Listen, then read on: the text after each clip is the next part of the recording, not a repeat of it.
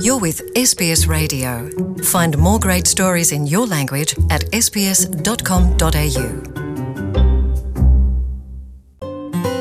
SBS မြန်မာပိုင်းကို အင်ကာနဲ့စနေနေ့ည10:00နာရီမှနားဆင်နိုင်တယ်လို့အွန်လိုင်းကနေလည်းအချိန်မီနားဆင်နိုင်ပါပြီ။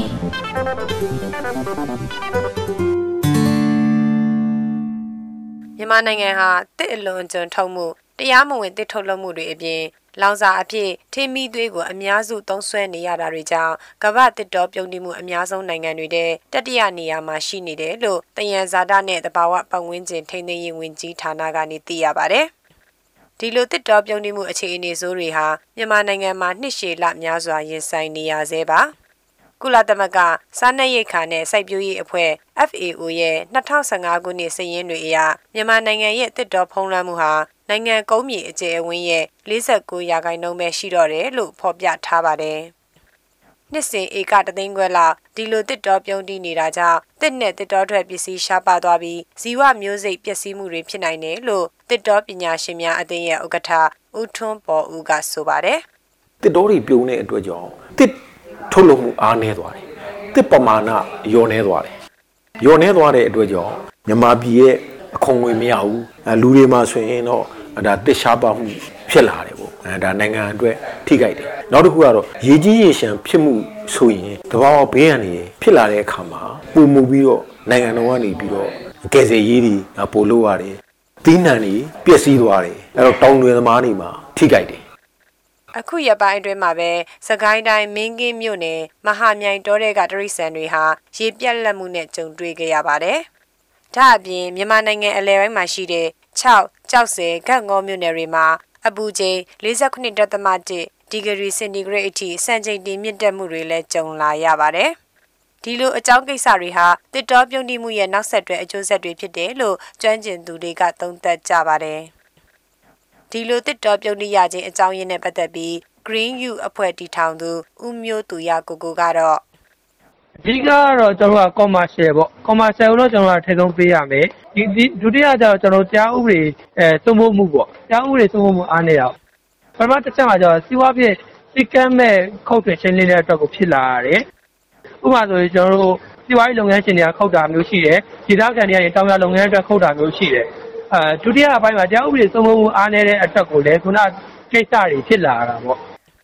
Green U အဖွဲ့အနေနဲ့ဒီနှစ်မိုးကာလမှာတစ်ပင်ပေါင်း3000ကိုစိုက်ပျိုးသွားမယ်လို့သိရပါတယ်။မြန်မာနိုင်ငံမှာ2001ကနေ2018ခုနှစ်အတွင်းနေပြည်တော်မှာတစ်တော area 34ရာခိုင်နှုန်းပြုံးတီးခဲ့တယ်လို့ Environmental Investigation Agency EIA ရဲ့စာရင်းမှာဖော်ပြထားပါတယ်။မွန်ကရင်တနင်္သာရီနဲ့ရှမ်းပြည်နယ်တို့ဟာအစဉ်လိုက်ရှိနေပြီးတနိုင်ငံလုံးရဲ့59ရာခိုင်နှုန်းလောက်ပြုံးတီးနေတယ်လို့သိရပါတယ်။ ဒီလိုပြုံးတိရခြင်းအကြောင်းတွေထဲမှာတရားမဝင်တစ်ခိုးထုတ်တာတွေပါဝင်နေပြီး2018ခုနှစ်မှာကျွန်းတန်ချိန်9000နဲ့တစ်မာတန်1800ဖမ်းဆီးရရှိခဲ့တယ်လို့တစ်တော်ဦးစီးဌာနကနေသိရပါဗျ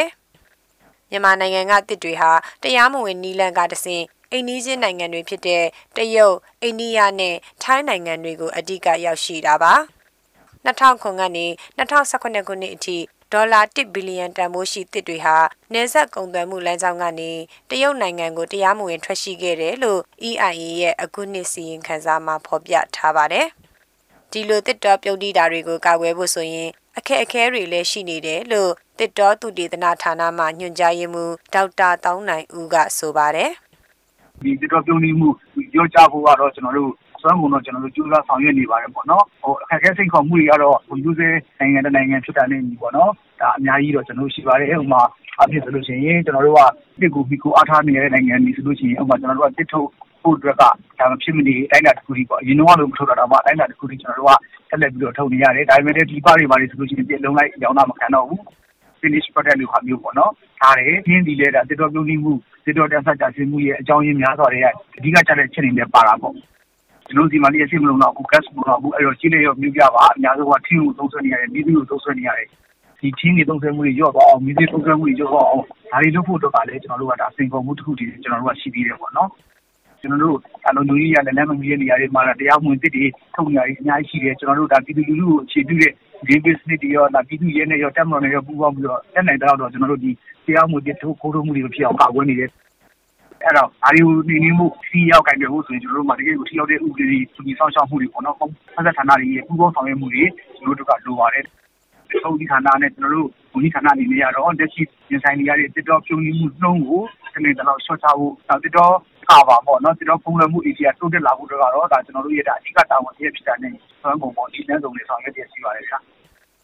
မြန်မာနိုင်ငံမှာတစ်တော်ဥပဒေကို2018ခုနှစ်မှာအသစ်ပြဋ္ဌာန်းနိုင်ခဲ့ပေမဲ့လိုအပ်ချက်တွေရှိနေတယ်လို့တစ်တော်ပညာရှင်တွေကတော့ဆိုပါတယ်။1995ခုနှစ်ကလေးကဥပဒေကိုအနှဲငယ်သာပြင်ဆင်ခဲ့တဲ့အတွက်ခေတ်အခြေအနေအရပြောင်းလဲပြင်ဆင်သင့်ပြီလို့သုံးသပ်ကြပါတယ်။အဲ့ဒီလိုပြင်ဆင်ပြီးရင်လည်းအောက်ခြေပိုင်းမှာလက်တွေ့လိုက်နာကျင့်သုံးမှုတွေရှိမှသာအဆင်ပြေမယ်လို့ဦးတောင်းနိုင်ဦးကဆိုပါတယ်။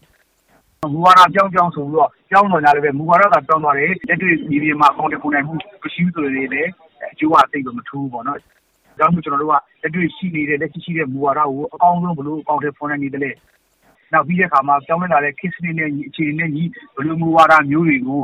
ထပ်ပြီးတော့ ပြဋ္ဌာန်းမှုလုပ်တဲ့နောက် မူဝါဒနောက်ကနေပြီးတော့မူဝါဒပြဋ္ဌာန်းပြီးရင် ပြဋ္ဌာန်းလိုက်တဲ့ မူဝါဒအသိရဲ့နောက်မှာ သူ့ကို ဆက်တဲ့အကောင့်တွေပေါ်မှာမဟာဗျူဟာတွေ plan တွေရော ဘယ်လိုချမလဲ။စသည်အဆုံးအထိ ကျွန်တော်တို့က ဆောင်ရွက်နိုင်မှသာလျှင်ပေါ့နော်ဒါဆောင်ရွက်နိုင်ဖို့လိုပါတယ်အိန္ဒိချင်းအိန္ဒိယနိုင်ငံမှာဆိုလဲ18ခုနှစ်အတွင်း1.5မီလီယံဟက်တာဧကတစ်တော်ပြုံးတိမှုတွေဖြစ်ခဲ့တယ်လို့အာရှတိုင်းသတင်းစာကဖော်ပြထားပါတယ်။တစ်တော်ပြုံးတိမှုတွေကိုဖြေရှင်းဖို့တစ်တော်ဦးစီးဌာနကဦးဆောင်ကနီလန်ပေါင်း40ကိုဒီနှစ်ထဲမှာအပြီးရေးဆွဲနေတယ်လို့တစ်တော်မပြုံးတိအောင်ရှော့ချမှုတွေလှုပ်ဆောင်နေတဲ့ IEDD ရဲ့အစီအစဉ်ညှိနှိုင်းရေးမှူးဒေါက်ခင်နှင်းမြင့်ကဆိုပါတယ်။ အခုနိုင်ငံမှာတော့ခဏပြောတတော်ပြုံးပြီးမှုတွေကဒါပြုံးပြီးမှုတွေရရှိရတဲ့အတွက် ဒီကနေပြီးတော့ ထုတ်လုပ်မှုတွေ များတဲ့အတွက်ကြောင့်မို့လို့ ဒါဒါကနေပြီးတော့ short ချမယ် ဒီကဏ္ဍကနေ short ချမယ်လို့ စဉ်းစားတာပေါ့နော်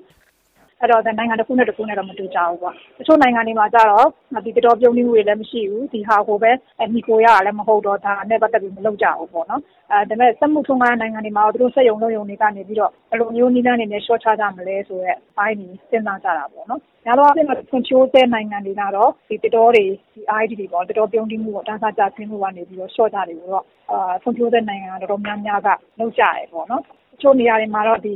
law enforcement တရားမှုဝင်တခုတာကိုပဲ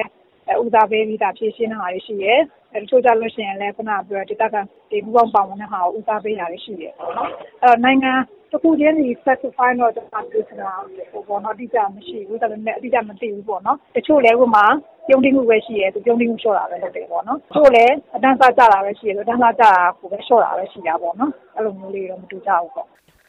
တစ်တော်ဦးစီးဌာနကတော့တစ်တော်ဧကပေါင်း 6တန်းကျော်ရှိတဲ့တနိုင်ငံလုံးရဲ့6ရာခိုင်နှုန်းနီးပါးကိုတဘာဝထိန်းသိမ်းရေးနယ်မြေအဖြစ်သတ်မှတ်ထားပြီးပြီလို့သိရပါတယ်။ဒီလိုတစ်တော်ပြုံးနေတာတွေရှော့ချဖို့အတွက်ဆိုရင်တက်တိပညာရှင်တွေဥပဒေပညာရှင်တွေနဲ့တဘာဝပတ်ဝန်းကျင်ပညာရှင်တွေပူးပေါင်းပြီးဆွေးနွေးညှိနှိုင်းအဖြေရှာသင့်တယ်လို့ဦးထွန်းပေါ်ဦးကဆိုပါတယ်။မြန်မာနိုင်ငံရဲ့တစ်တော့ရေရှိရေရှိတည်တံ့မှုပေါ့နော် forest governance တစ်တော့စီမံအုပ်ချုပ်မှုပုံစံပြောင်းရမယ် အဲအခုဌာနတစ်ခုတည်းတာဝန်ယူရတဲ့အစားဒေသခံပြည်သူတွေအဖွဲ့အစည်းတွေအဲ့ဓာတွေကနေပြီးတော့တာဝန်ယူအောင်တော့ပုဂ္ဂလိကကဏ္ဍအဖွဲ့အစည်းကဏ္ဍဖြစ်အောင်လုပ်ရမယ်အရေးကြီးတာပိုင်ဆိုင်မှုမိမိကြေးရွာကကြေးရွာနာကတစ်တော့ကိုသူတို့ကိုယ်တိုင်ထိန်းရမယ်ဒါပေမဲ့အကုန်ခုတ်ပြဖို့မဟုတ်ဘူးရေရှိတည်တံ့အောင်ဖြစ်ရမယ်ဒီတတော်ထိန်းသိမ်းရေးကိစ္စကိုတော့ဒီအမျိုးသားအဆင့်အလို့ဆွေးနွေးပွဲတွေကြဲကြဲပြန့်ပြန့်အလုပ်သင့်တယ် မြန်မာနိုင်ငံမှာပြုံးတီးသွားတဲ့တစ်တော်တွေပြန်လည်ထူထောင်ရေးအတွက်ဆယ်နှစ်စီမံကိန်းချမှတ်ဆောင်ရွက်နေပေမဲ့တရားမဝင်တစ်ထုတ်လုပ်တာတွေအခုအချိန်ထိရှိနေသေးပါပဲဒီပြဿနာကိုအစိုးရနဲ့ပြည်သူပူးပေါင်းတိုက်ဖြတ်မှသာတစ်တော်တွေကိုရေရှည်ထိန်းသိမ်းနိုင်မယ်လို့တစ်တော်ပညာရှင်တွေကတော့သုံးသပ်ကြပါတယ်ဒီသတင်းကိုတော့တန်လင်ခက်ကပေးပို့ထားတာဖြစ်ပါတယ် SBS မြန်မာပိုင်းကိုနားဆင်ရတာနှစ်သက်ပါတလား Facebook မှာဆွေးနွေးမှုတွေကိုဆက်ကြရအောင်ပါ SBS မြန်မာပိုင်း Facebook ကို like လုပ်ပြီးတော့သင်ချင်တဲ့ချက်ကိုမျှဝေနိုင်ပါတယ် SBS Bemis ကို Facebook မှာ share ကြည့်နိုင်ပါတယ်ရှင်